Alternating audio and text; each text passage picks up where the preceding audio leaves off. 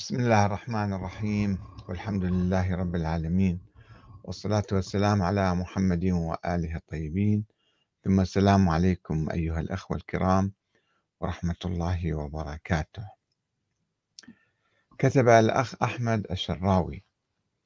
يقول أولا آه الأستاذ الكاتب إذا كان الهدف من تسويق نظريته هي الوحدة الإسلامية فليس من المنطقي أن ينسف الثلاثين ونيف رواية لولادة الإمام المهدي عليه السلام. باستعمال علم الرجال الذي يطعن به هو بنفسه انتقاء ومزاجية ويتمسك برواية واحدة ويجعلها انطلاقا لمنهجيته خصوصا أن هذه الرواية تدخل في تبويب حماية الإمام من ملاحقة العباسيين له. ثانيا ليس عليه التكلف بالدعوة للوحدة الإسلامية بإلغاء عقيدة ما. فيمكن أن تكون وحدة وطنية بين المذاهب مع الاحتفاظ بالعقائد واحترامها فعليه عدم الخلط بين السياسة والتعايش السلمي من جهة والعقائد من جهة أخرى. هذه مداخلة لطيفة جدا ومهمة جدا بالحقيقة. ولا بد أن نتوقف عندها قليلا. آه، أولا في النقطة الأولى التي طرحها الأخ أنه ليس من المنطقي أن ننسف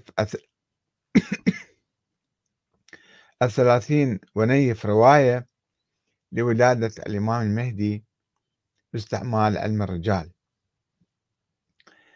آه، في الحقيقة يعني هي مو قصة علم الرجال.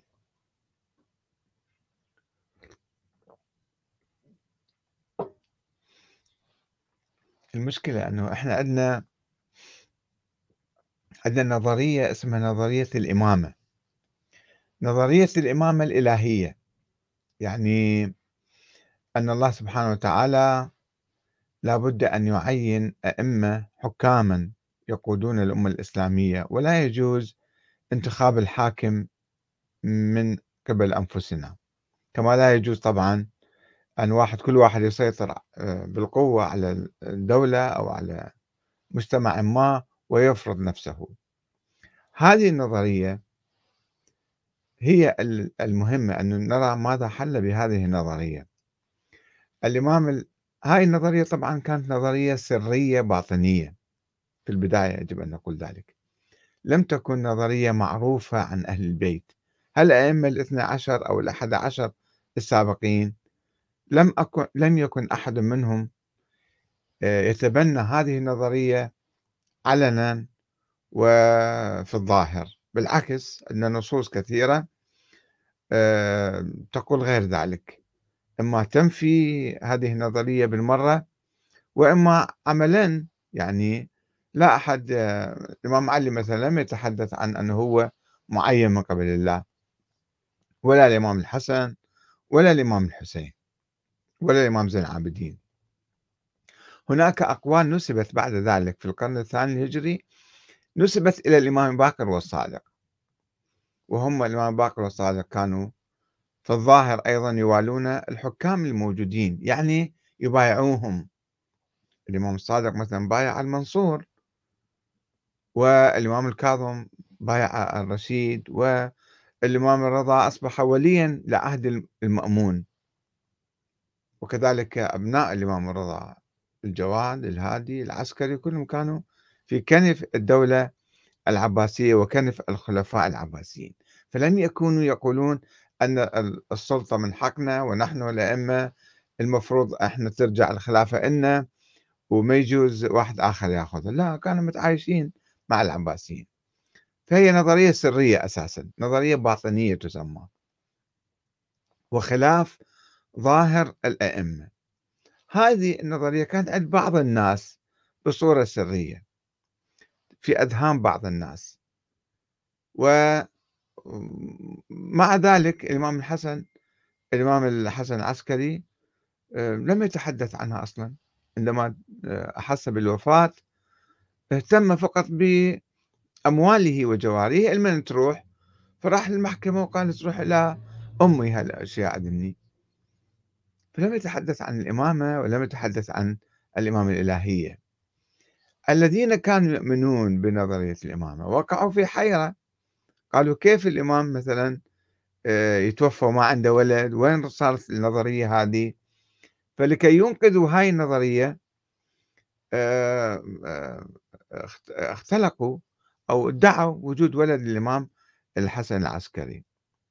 وهذا الإمام بالسر قالوا أنه موجود بالسر بالخفاء ما حد ما يعرفه ما حد ما يشوفه ولا أحد يعرف به إلا مجموعة أشخاص. وواحد يكذب الثاني طبعا دولة اللي كانوا يدعون وجود الولد في ما يسمى بعصر الحيرة أو ما يسمى بالغيبة الصغرى كانوا أكثر من عشرين واحد يتهارشون على النيابة وعلى الوكالة وواحد يكذب الآخر. المهم عمليا هاي النظرية انتهت. يعني حتى لو قلنا هذا الإمام الولد الإمام العسكري موجود ولكنه غائب. يعني أنه بقت الأمة بلا إمامة. فكيف نقول يعني شوف التناقض الحاصل هنا. كيف نقول أن الله سبحانه وتعالى يجب أن يعين إماما لقيادة الأمة؟ وما يجوز أحد يجي يحكم آه، من قبل نفسه أو باختيار الأمة. هاي النظرية. طيب ماذا نفعل؟ الآن لو قلنا هذا الإمام موجود نبقى ننتظره؟ مو سنة وسنتين ولا آه، قرن وقرنين صار لنا 1200 سنة نقول هذا الإمام موجود والله معينه لقيادة الأمة ولكنه ما موجود. يعني يعني صار الله سبحانه وتعالى في تناقض بكلامنا. يعني لذلك أنا قلت في يوم أمس قلت أن الإيمان بوجود الإمام الثاني عشر يلغي نظرية الإمامة وينسف نظرية الإمامة عندما نقول أن هذا الإمام غائب. يقولون يجيبون روايات قال فلان قال فلان قال فلان أنه عنده ولد موجود. طيب موجود. مو مو 30 رواية ولا 30 ألف رواية ولا 30 مليون رواية. ما تغير من الحال شيء عمليا إحنا صرنا الآن بلا إمام.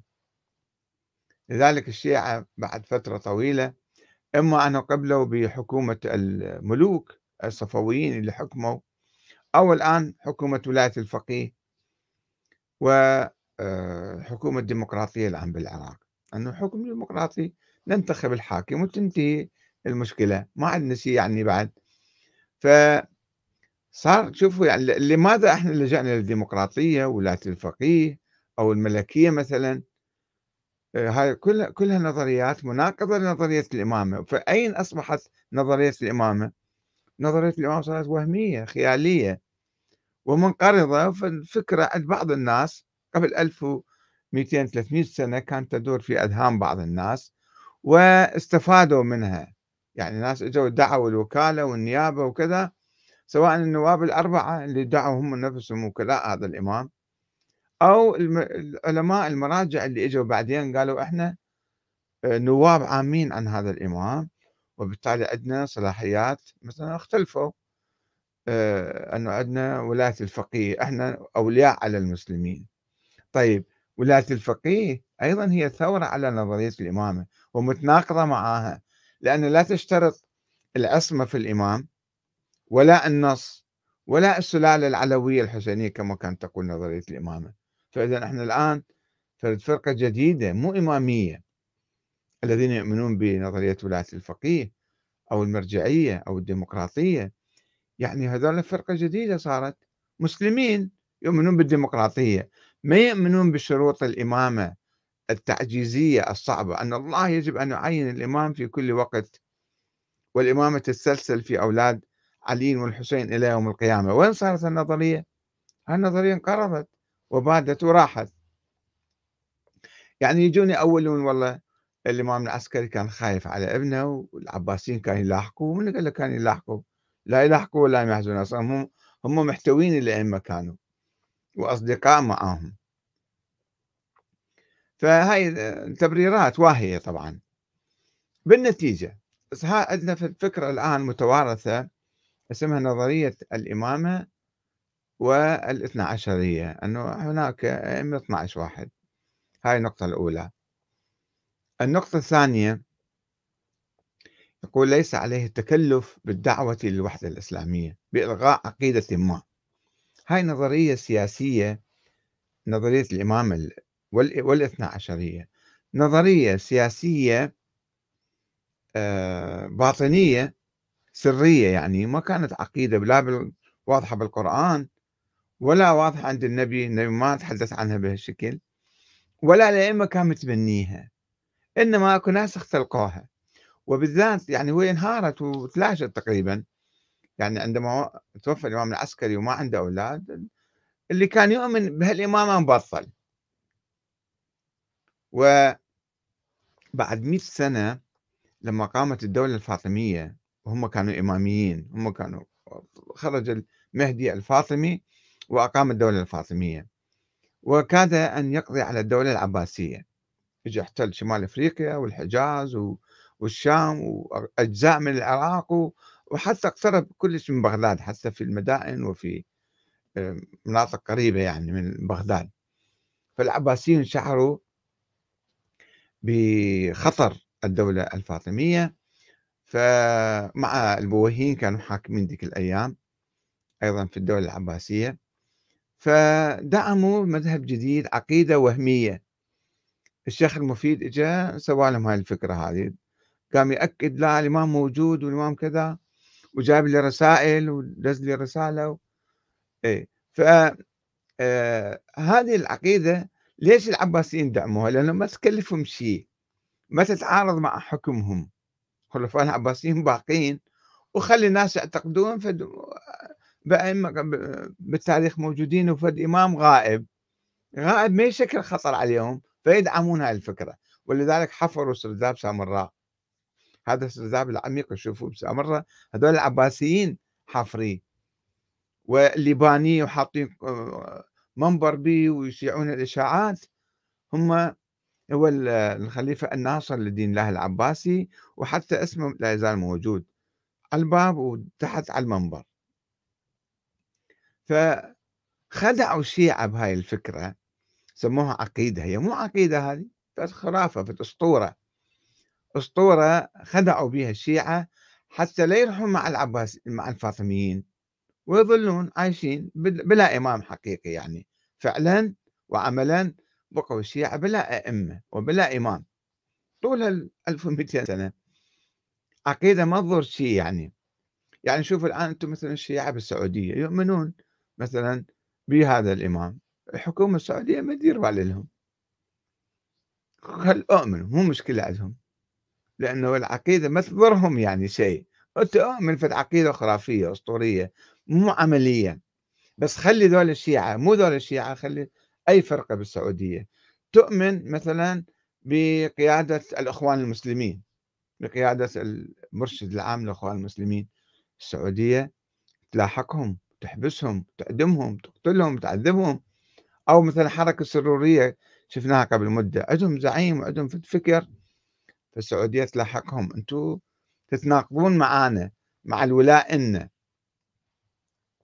وإذا مثلا جماعة جماعة ولاية الفقيه افترضوا مثلا ناس يؤمنون ب آه، الولاء للقائد الإيراني أو القائد العراقي أو القائد أي مكان كان التركي مثلا. إذا كان مجموعة في السعودية فئة من الناس أو طائفة من الناس تؤمن بولاء حقيقي مو ولاء وهمي. السعودية وأي دولة أخرى ما تقبل هالشيء هذا. تقول أنتم قاعد تتعارضون معانا وتعرضون يعني تنقضون الولاء لنا. يجب أن تمحضوا الولاء لنا فقط. أما أن تؤمن روح بايع الإمام المهدي السعوديين يضحكون عليك. بايع شو يهمنا روح بايع إمام المهدي أنت. الإمام المهدي ما موجود فما يهمهم هالشيء شوفوا نفس الشيء.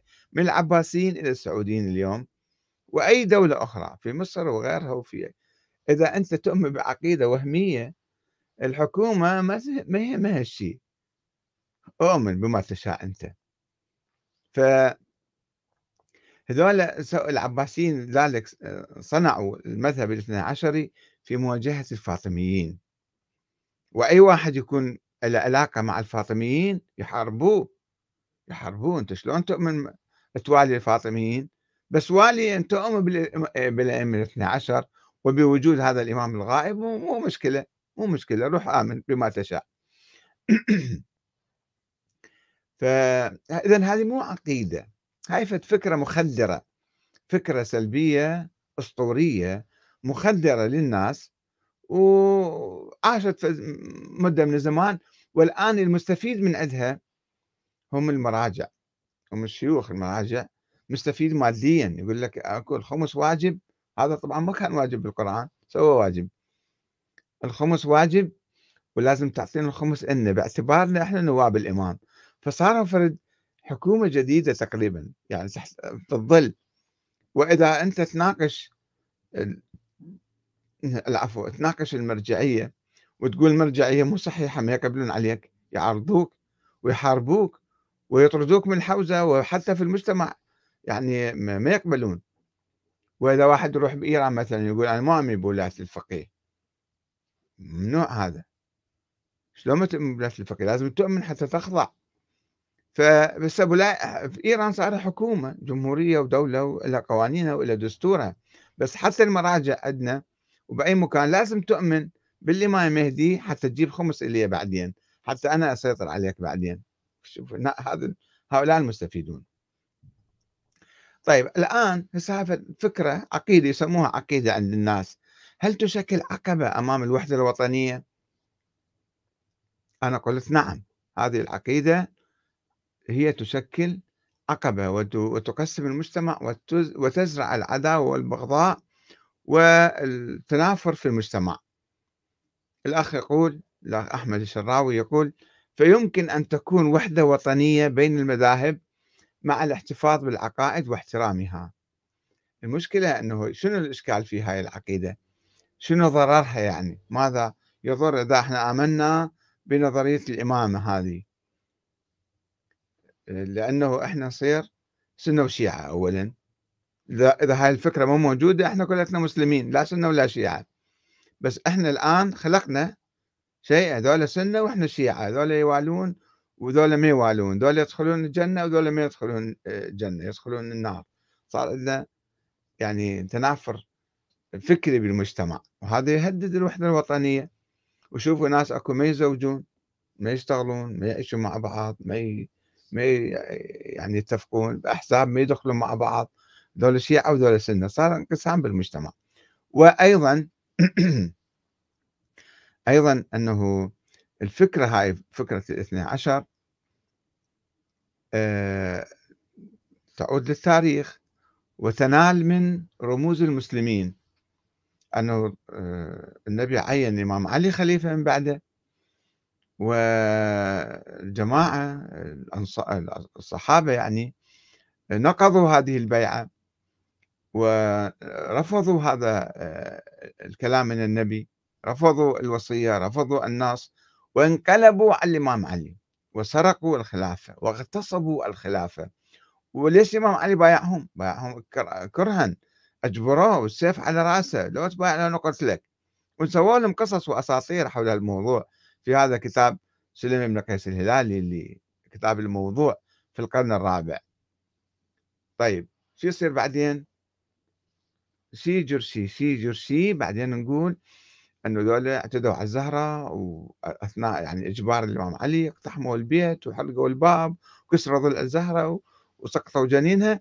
فيقومون الناس مثل ما تشوفون هالأيام أيضا آه الناس يشحنوهم ويقومون يسبون ويلعنون فهذا ينعكس على بقية المسلمين.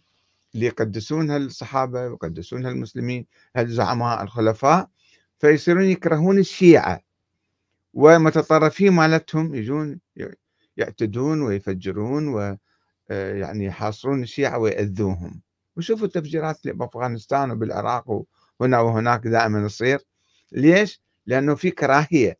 إحنا نريد نقتلع هاي الكراهية.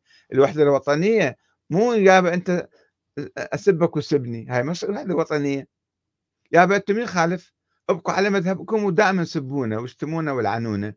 وإحنا ما نسبكم ونشتمكم ونلعنكم بس الوحدة وطنيه تصوروا أنتم لو في مثلا خوارج الآن موجودين بالعراق فتفرقة يقول إحنا خوارج يسبون الإمام علي يكفرون الإمام علي ويكفرون الأئمة ويسبوهم ويلعنهم يوميا قاعدين ماخذين السبحة ويسبون الإمام علي ويسبون أهل البيت.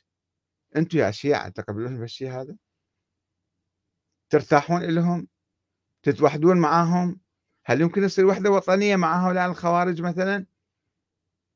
مستحيل. تعمل واحد يحقد. شلون يسبون الإمام علي؟ شلون يسبون أهل البيت؟ ناس كفرة ناس يصيرون يعني عداوة وبغضاء. فما يمكن إحنا نسوي وحدة وطنية مع عقائد متطرفة عقائد مثلا تكفيرية. أنتم تقولون حتى إحنا مع الوهابية ما نجتمع. لأن ذولا مثلا يكفرونا فإحنا شلون يكفرونا إحنا ما تنكفرهم. أنتم نفس الشيء قاعد تسوون.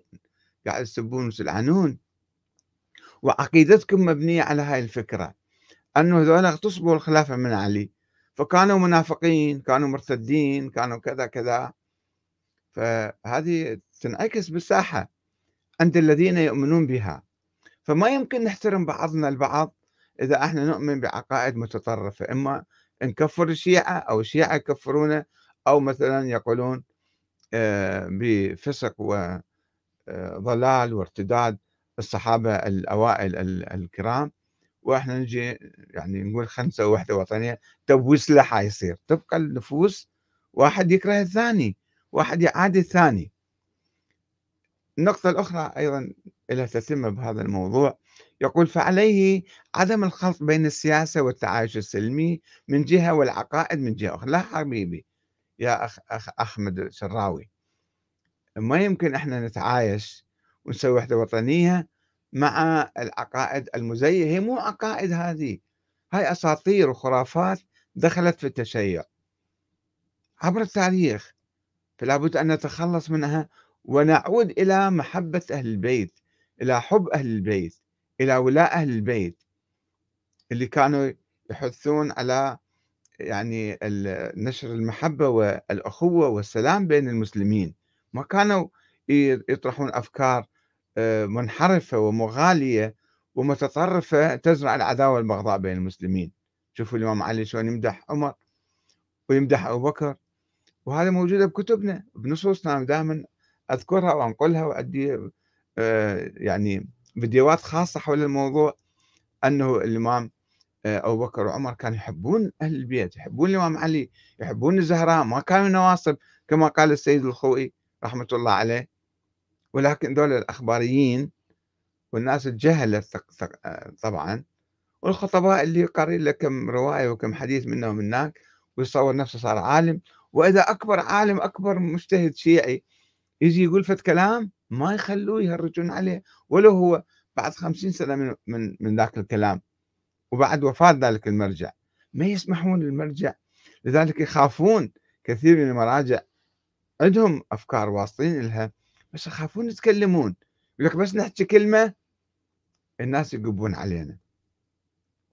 فأنا أعتقد أن الوحدة الوطنية ضرورية الوحدة الإسلامية ضرورية.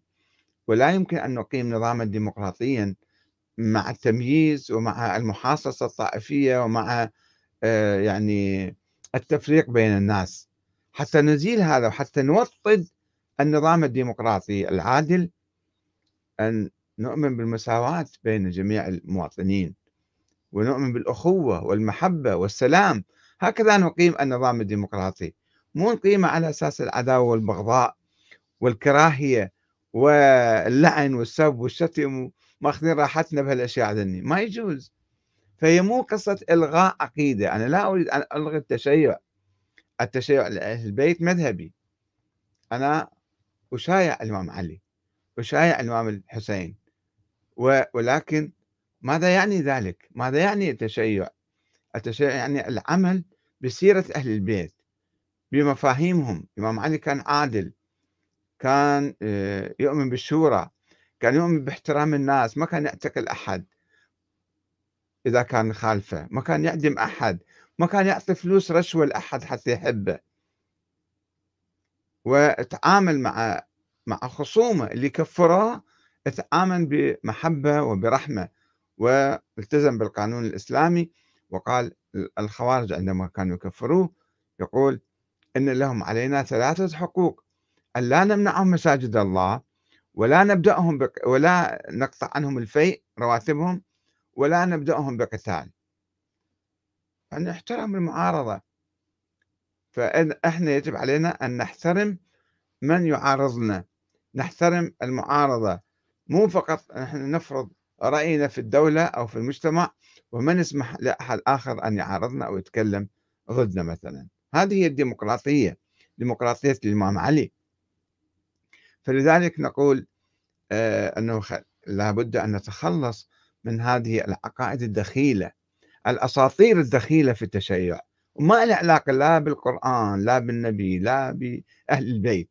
هذه نظريات ناس صنعوها لأهداف سياسية مؤقتة في في أزمان غابرة ولا يجوز أن نتمسك بها إلى يوم القيامة. فهي مو عقائد حتى إحنا نقول ماكو فرق ومو مهم و... وخلينا نتعايش و... ولكن واحد يسب الثاني واحد يلعن الثاني خلينا نشوف بعض التعليقات من الأخوة آه. آه سلام كثير من كثير من الأخوان نعم آه الأخ أمير طالب يقول رجل منحرف أنكرت إمام زمانك تموت مثل الجاهلية مو هو هذا كلامنا شوف العنف يعني أنت الآن شنو نظرك إلى أخوانك المسلمين اللي ما يؤمنون بنظرية الإمامة أو ما يؤمنون بوجود هذا الشخص اللي أنت الموهوم أنت قاعد تعتقد به أنت اتخذت موقف معادي. الآن إلي أنا قاعد أتكلم أقول لك أنا أحب أهل البيت وأواليهم وأتبعهم وأحاول أن أسير بسيرتهم وأنت تقول لي تموت ميتة جاهلية. يعني كفرتني معناتها. فأنت إذا مع التكفير يا أخ عبد الرحيم يا أخ أمس عبد الرحيم الأخير أمير, أمير طالب. إحنا كيف يمكن نتعايش واحد يكفر الثاني؟ هاي الفكرة أنت لازم تعيد النظر في هاي الفكرة مالتك. أنا ماكو أصلا شيء اسمه إمام زمان ولا أكو واحد يموت ميتة جاهلية إذا ما بايع إمام زمان مالته. هذا أصلا حديث مختلق ويتنافى مع القرآن الكريم. نعم السب وشتم هذا كله يعني من مخلفات ومن إفرازات هذه النظريات المنحرفة الدخيلة في الإسلام والتشيع. أسأل الأخ هذا الأخ نشوف محمد الجبوري ماذا يقول. يقول لا يمكن الجمع والوحدة بين التشيع وبين مذاهب أهل السنة والجماعة كالأحناف والشافعية والمالكية لا يا أخي التشيع لأهل البيت حب أهل البيت موجود. حتى الإمام الشافعي عندك إن كان رفضا حب آل محمد فليشهد الثقلان أني رافضي؟ هذا ما في إشكال. حب أهل البيت موجود عند كل المذاهب. إنما التطرف والغلو والأساطير والخرافات واعتبارها عقائد هذا اللي يخلق لنا مشكلة. نعم.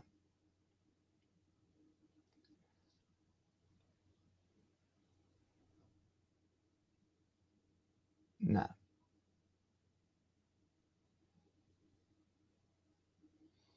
نعم. الأخ آه، التواصل. عن تليفوني دائما أش... آه، يعني أنشرة في كل آه، فيديو أحطه أحط تليفوني أيضا. يمكنك أن تراسلني على الواتساب على التليفون.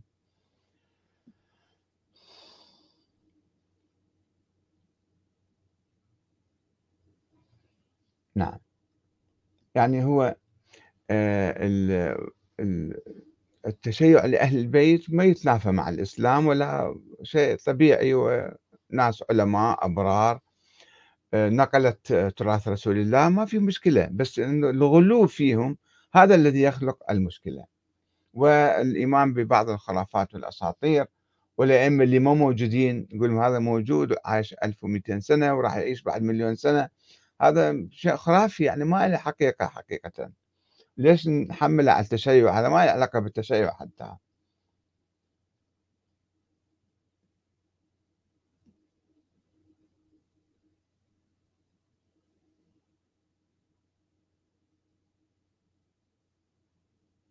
نعم. لكل حكومة الحق بالدفاع عن نفسها. يعني هذا يمكن يعلق على في النقطة إحنا آه، تحدثنا عنها.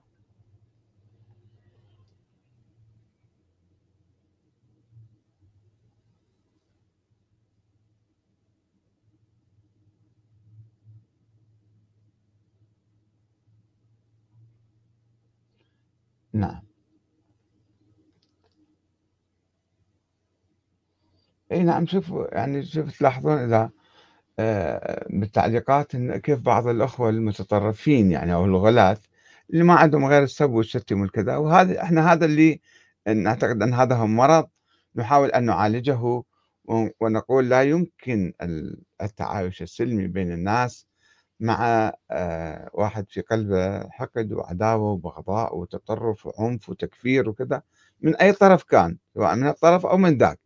فلا بد أن يعني نتخلص من الأفكار الدخيلة الأسطورية حتى نعيش بمحبة وسلام وأخوة وتعاون. هذا اللي يعني أساس الديمقراطية وأساس بناء أي دولة أساس بناء أي مجتمع. هو هي المحبة والأخوة. وإذا إحنا أنكرنا المبادئ الأساسية ما يمكن نقيم نظام ديمقراطي.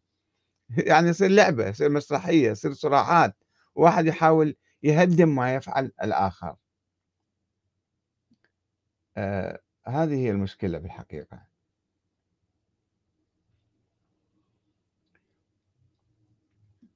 آه الأخ يقول لم أفهم الاثنى عشرية ما هي قولتي كانت وراء؟ آه هي النظرية منقرضة النظرية الإمامية والنظرية الاثنى عشرية نظريات ميتة من قبل 1200 سنة لا وجود لها. توجد مخلفات فقط. يعني شوية الكلام ربما يكون قاسي على أذهان بعض الناس وأسماعهم هذه الحقيقة. لا توجد نظرية إمامية الآن ولا يوجد شيعة إمامية. ناس يعتقدون في النظريات التاريخية بس يعتقدون ب يعني مخلفاتها السلبية. أما حقيقة صايرين ديمقراطيين جمهوريين ملكيين أي شيء يمكن يكونون ولكن ليسوا إمامية لا توجد هاي لا, لا يمكن تطبيقها وليست موجودة إلا في الأذهان وإحنا قاعدين نتقاتل عليها. آه، الأخ أمير طالب أيضا آه، يعلق اللي إحنا قرأنا تعليقه أيضا سابقا يقول وحدة وطنية على حساب أن نتنازل عن عقائدنا. لا, لا أخي هاي مو عقائد. العقائد موجودة بالقرآن فقط.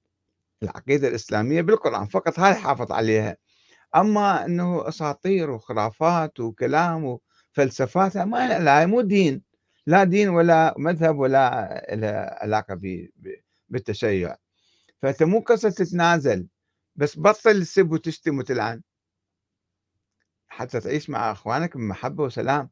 هسه إحنا مو على رموز المسلمين الصحابة الكرام الأوائل. إذا واحد يقعد يوميا جارك يسب أبوك مثلا وجدك تقبل به ما يمكن تتعايش تتعايش وياه. ما يمكن تقعد يعني في تتعاون وياه أو تحبه أو أو أو تعيش في يعني منطقة واحدة. يصير ده؟ ابائنا وأجدادنا. فنفس الشيء أنت هاي الفكرة الدخيلة المتطرفة تؤدي بك إلى أن تسب الآخرين وتلعن رموزهم ومشايخهم. والسب ما عندك شغل وعمل مثل بعض المشايخ الآن. ما عندهم شغل وعمل اللي يطلعون هالقصص التاريخية فلان كان كذا وفلان كان. ثم ماذا بعدين الناس راحوا وشكو عندك لازق بيهم أنت. فكر بوضعك اليوم أما تجي تقعد تحاول تسقط هالشخصيات التاريخية. هذا ما أدري شلون عمله وشنو ولادته وشنو هرب من المعركه هرب ولا ما هرب؟ شو قصك فيه أنت؟ راح راح الله هو بعمله. فهاي خلي شوية يكون عندنا عقل. يكون عندنا عقل نفكر بحل مشاكلنا المعاصرة. شلون نسوي كهربائنا قوية ومينا وطرقاتنا وصحتنا وتعليمنا واقتصادنا ويعني نبني بلدنا. نفكر بهالأمور. مو نظل عايشين بهال يابا هذه عقائد ما يمكن نتنازل عنها. هاي الشيطان اللي يقول لك. هاي مو عقائد أصلا. لا لها علاقة بأهل البيت ولا علاقة لها علاقة بالإسلام. أشياء خرافية نسويها إحنا عقائد. نعم. هي هاي المشكلة إحنا نعاني من جرح في الحقيقة ونقول خلي نتجاوز التاريخ هذا نتجاوز الأفكار الخرافية.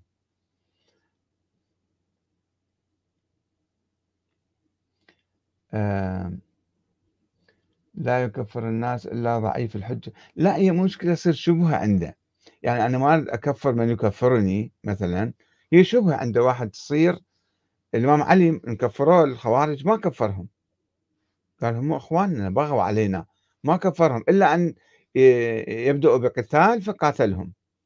فإحنا ما لازم أيضا نقوم برد فعل. لأن نرأف بإخواننا. إذا واحد عنده شبهة نحاول نحل هاي الشبهة من عقله.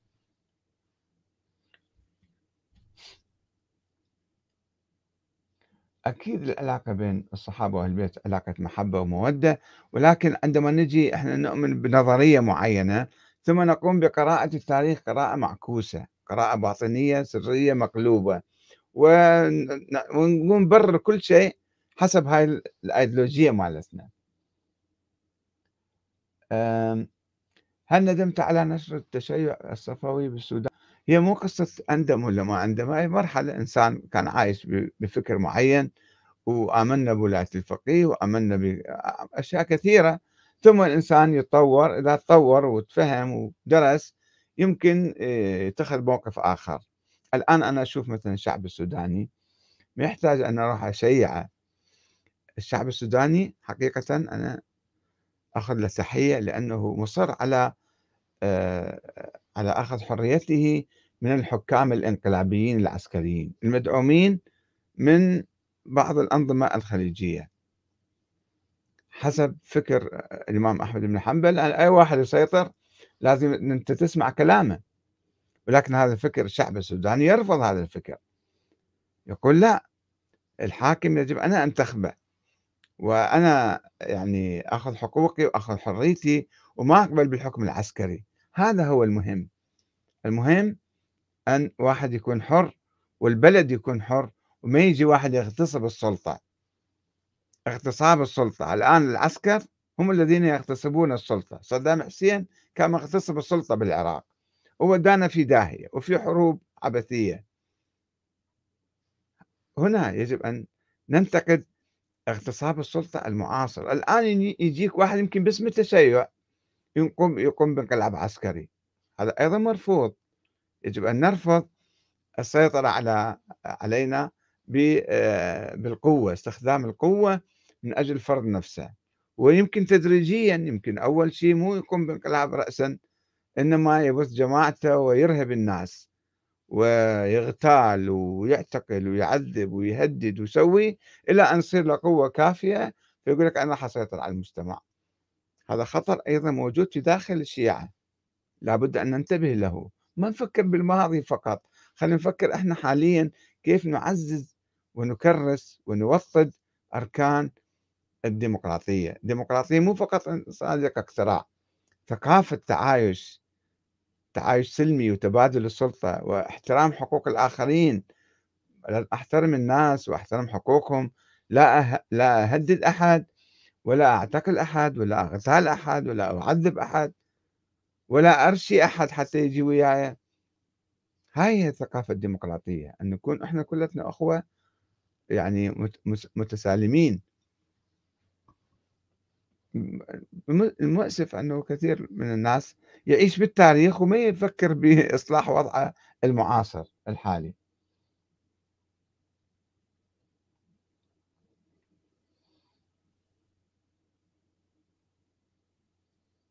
نعم. هذا يقول شلون تريد نتوحد ويا كاثلين الذكية يعني فاطمة الزهراء عليها السلام. هي هاي الفكرة أسطورة تجر أسطورة. يعني أسطورة النص أدت إلى آه، أسطورة الردة من الصحابة والانقلاب على الإمام علي. طيب الإمام علي راح بايعهم. لا كان في أسطورة أخرى أسطورة تلد أسطورة. أنه ذولا هجموا على البيت وقتلوا الزهراء قتلوها. فشلون نتعايش وياهم يعني أنت قاعد تكره الناس إذن. فأعد النظر في هذه المعلومات يا أخي العزيز راضي الشمري حتى تتأكد من هذه أساطير لا لا حقيقة لها ولا علاقة لها لا بأهل البيت ولا بالإمام علي ولا بالزهراء عليه السلام. أي شوفوا يعني التقاذف مع الأسف فأنتم نواصب باطل. يعني واحد يصير يقذف الآخر ويتهمه ويكفره. المهم تكفر الناس. آه يقول لي الديمقراطية خلي تفيدك لأن شلون؟ نعيش إذا ما نؤمن بالديمقراطية نؤمن بالانقلاب العسكري نؤمن بسيطرة العصابات على الدولة والمجتمع كيف يمكن؟ كيف ممكن نعيش ونبني بلدنا؟ نؤمن بال... نعيش بالتعايش السلمي الديمقراطي الأخوي اللي نحترم بعضنا البعض ونعيش بسلام.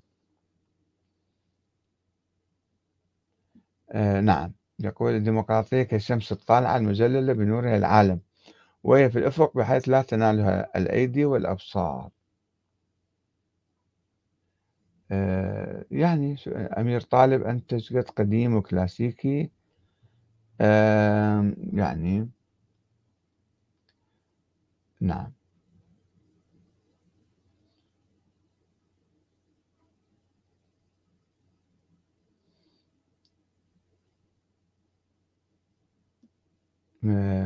حتى هؤلاء لا يشتمون ابن ملجم بقدر ما يشتم الصحابة وزوج النبي. لأن الخوارج كلها ما بقي منهم إلا الأواضية الأواضية تخلوا عن الخوارج يعني ما ما يؤمنون بالأفكار الخوارج.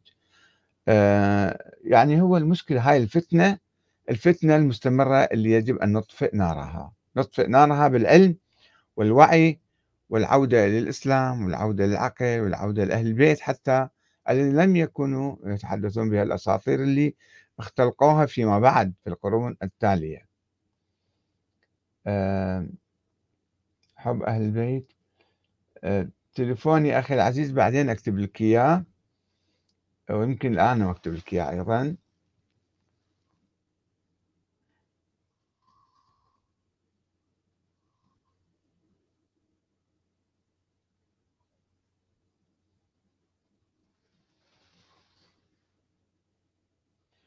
هذا واتساب موجود أيضا.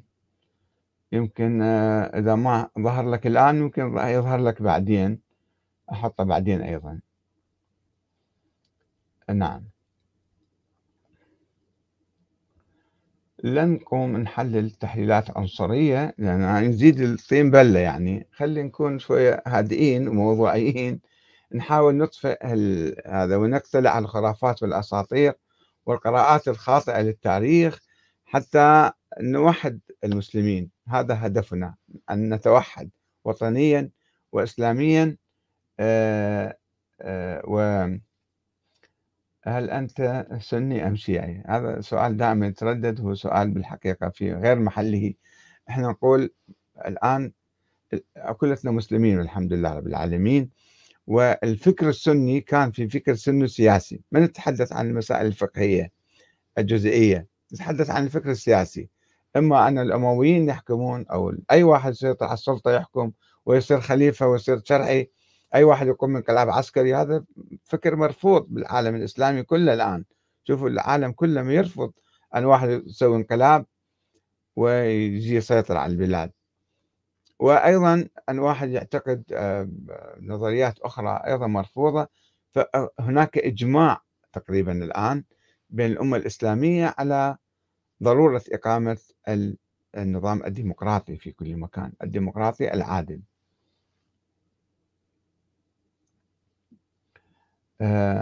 من هم الخلفاء الشرعيين وما هي العقائد أخي العزيز الآن أنت فكر. ما يهمك سابقا منو كان خليفة شرعي ومنو ما كان شرعي. يهمك الآن أنه الحاكم يكون شرعي يكون منتخب من الأمة والأمة تحاسبه وتراقبه وتغيره ويكون تبادل سلمي للسلطة بين الأحزاب المختلفة وما يجوز واحد يسيطر على السلطة بالقوة أو يتوارث السلطة هو. ويورثها الأبناء وأحفاده.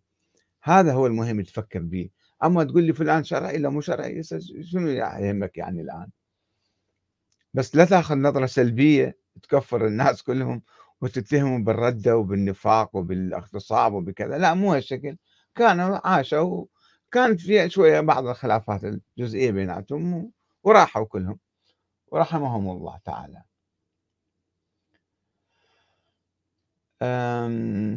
الجميع مؤمن بالقرآن الكريم، ولذلك أي حديث روائي ما يوافق القرآن المفروض ما يعتد به في العقيدة، في العقيدة وحتى بالسياسة وحتى بالتاريخ، أي شيء يعني مو صحيح ما لازم نؤمن به.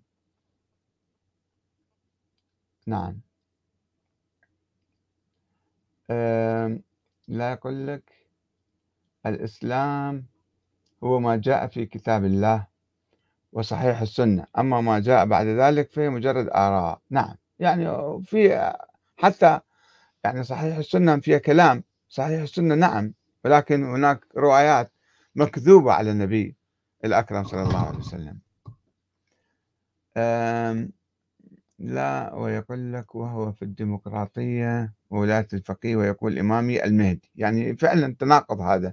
هو يعيش بنظام ديمقراطي وينتخب ويرشح وكذا ويقول لك لازم تبايع الإمام المهدي وإذا ما بايعته فأنت آه، تموت ميتة جاهلية.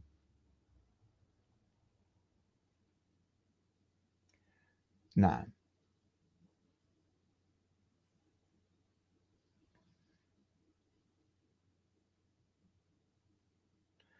آه نعم. شكرا جزيلا لمن يعني عنده يحسن الظن بنا. آه الفيديو مو مسجل من قبل الآن بث مباشر أخي العزيز. آه نعم.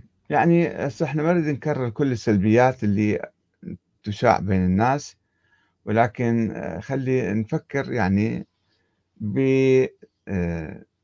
بث المحبة والأخوة والسلام بين الناس. والعدل والحق ومكافحة الظلم والجور في المجتمع وأيضا نفكر باقتلاع النظريات أو بمناقشتهم على الأقل حتى تنتهي وتتبخر هذه النظريات.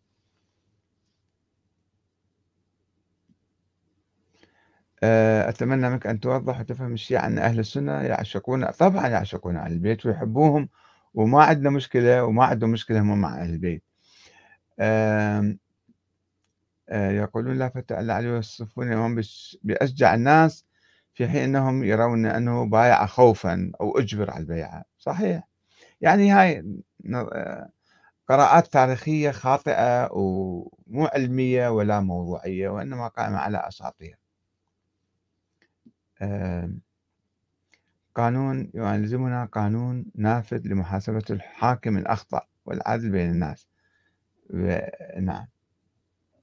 طبعا مو كل واحد يسمى شيعي الآن هو يؤمن بهالأساطير والخرافات. صدقوني كثير من الناس عامة الناس ما في بعض الناس متطرفين الذي يبثون الأفكار هذه وإلا ناس ملتهين بأمور آه، حياتهم المعيشية والاقتصادية الأمنية و آه، وأصلا ناس علمانيين وناس مبطلين من هالسوالف كلها. في ناس يعني يحاولون يبثون هذه ويثيرون النزاعات الطائفية آه، ما معنى البيعة والمبايعة هي تسليم الأمور والقيادة لأحد المسلمين وإعطائه الثقة التامة وإعطائه حرية التصرف في الأموال العامة والجيوش والسمع والطاعة له. آه نعم هو هي كذلك ولكن الكلام أنه هذا اللي مبايع له كيف استولى على السلطة؟ استولى بصورة شرعية أم اغتصبها من الأمة بانقلاب عسكري؟ باستعانة بأجانب كفار مثلا أم برضا الناس وبانتخاب الناس له. هو هذا المشكلة في العالم الإسلامي كل هذه المشكلة هي الآن.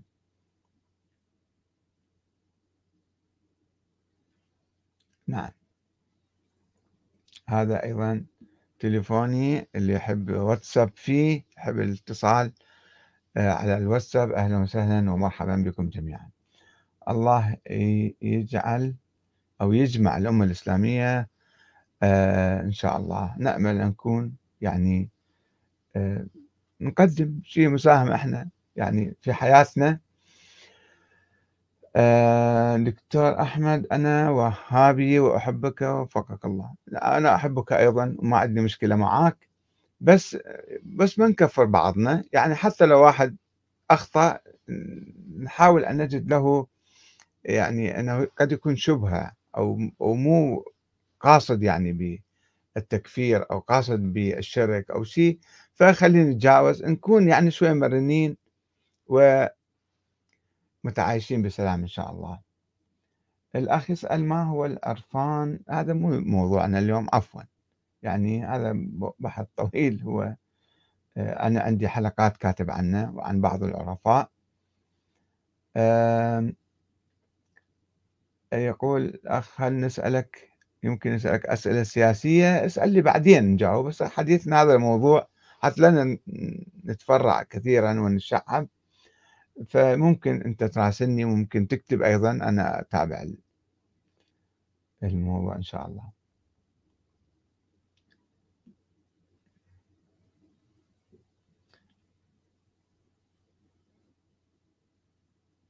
نعم.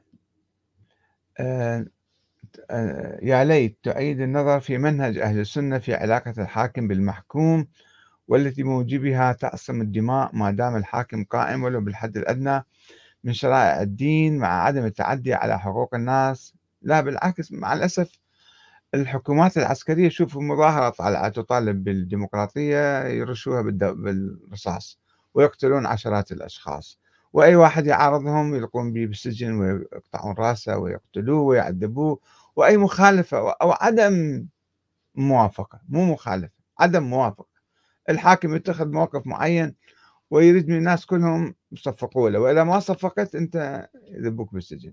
فالمشكلة أنه الحكم العسكري والحكم الدكتاتوري يؤدي إلى فتن أيضا دائما يسبب مشاكل وقتل وإرهاب ومصادرة ومصادرة ثروات المجتمع كله فبعد كيف يعصم الدماء؟ لا بالعكس هو ينتهك حرمة الدماء.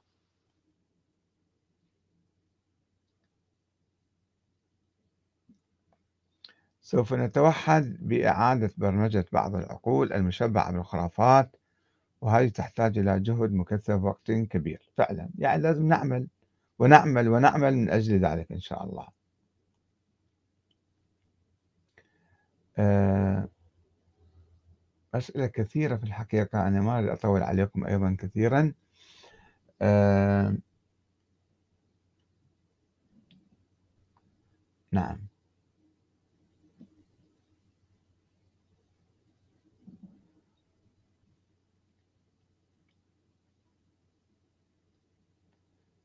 هذا الأخ أمير طالب يبدو مصر على يعني عندنا لازم نناقشه نقاش خاص.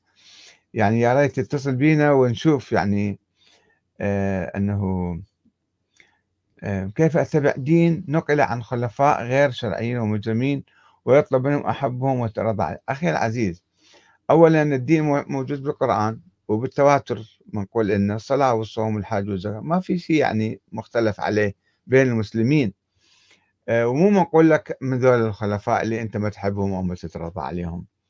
المشكلة مو هنا يا أخي العزيز. المشكلة أن أنت فكر آه، كيف تتعايش مع إخوانك في بلدك في الأمة الإسلامية.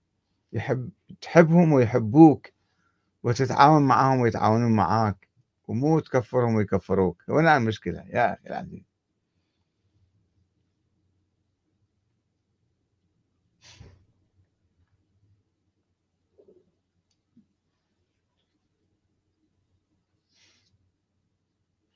يعني أي أي فرقة متطرفة توالي الحكام الظلمة والفاسدين والطغاة وتبرر أعمالهم وهذا شيء خطأ ويسبب فرقة ويسبب فتنة ويسبب عداوة وبغضاء. وأنت بعدين تقوم أي واحد ما يوالي هذا الحاكم تكفره مثلا. هذا مو صحيح. آه، أؤمن بالتقارب أو ظهور مذهب جديد وليس توحيد بالحقيقة هو يعني الآن في وحدة إسلامية قائمة. المشكلة لم تكن بين المذاهب الفقهية بين الحنفية والشافعية أو الجعفرية أو الكذا لا. هذه مسائل بسيطة موجودة داخل كل مذهب. الآن الشيعة عندهم مئات آلاف المجتهدين وكل واحد عنده فتوى معينة. ما في مشكلة. أهم مشكلة كانت بالتاريخ الإسلامي الاختلاف حول السياسة والحكم والدستور. أنه من يحكم وكيف يحكم وإلى متى يحكم الآن تقريبا في اتفاق بين المسلمين على انتخاب الحاكم من أنفسهم ومراقبته ومحاسبته من خلال البرلمان ومجلس الشورى وثم في فترة ويروح حتى لا يستبد بالسلطة. والسلطة تقسم سلطة تشريعية مستقلة سلطة قضائية مستقلة وسلطة تنفيذية هي تنفذ الأحكام. فهنا عندنا يعني تطور بالعقل الإسلامي العام. فإحنا خلي نعزز هالفكر هذا ونوطده ونرشده ونبثه ونشيعه بين الأمة حتى الأمة تتحرر. الديمقراطية يعني الأمة الحرة هي التي تنتخب الحاكم بحريتها لا يفرض عليها ولا يغتصبها ولا. وهناك حديث عن الإمام الرضا في عيون أخبار الرضا للشيخ الصدوق يروي عن آبائه عن أجداده عن رسول الله يقول من اغتصب الأمة أمرها ووليها من دون مشورة فاقتلوه فقد أذن الله ذلك. هذا فكر أهل البيت. فكر الشورى. يقول الحاكم يجب أن ينتخب من الأمة ما يجي يفرض نفسه بالقوة عليهم.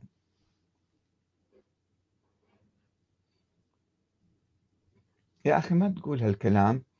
التشيع طارئ على الإسلام. التشيع من أول يوم كان الشيعة موجودين إنما التطرف هذا خطأ. هو الإسلام هو به تشيع. حب أهل البيت تشيع لأهل البيت موجود. فالوحدة الإسلامية الأفكار المتطرفة المغالية الأسطورية الخرافية هاي هاي تخرب الشغل. كما أن الأفكار المتطرفة السنية مثل داعش وأخواتها اللي يؤمنون بتأليه الحكام وتقديسهم حتى اليوم هذا فكر متطرف ويسبب مشكلة ويسبب فتنة. يقول أكثر أصدقائي على المذهب الاثني عشر ولا توجد بيننا إلا كل محبة الله يديم المحبة بيناتكم يا أخي العزيز. مو كل من ينتمي وراثيا أو اجتماعيا لما يسمى بهذا المذهب يعني هو يمارس كل الأفكار وملازمات هذا الفكر. ويسب ويلعن. لا هذا أيضا خطأ. ما أنا كنت اثنى عشري إمامي اثنى عشري وأدعو ولكن صدقوني ما كنت أسب ولا كنت ألعن وكنت أرفض ذلك. وأنا والدي وأهلي ما ما عندنا شيء هذا. يعني مو مو شائع بين الناس إلا بين المتطرفين فقط.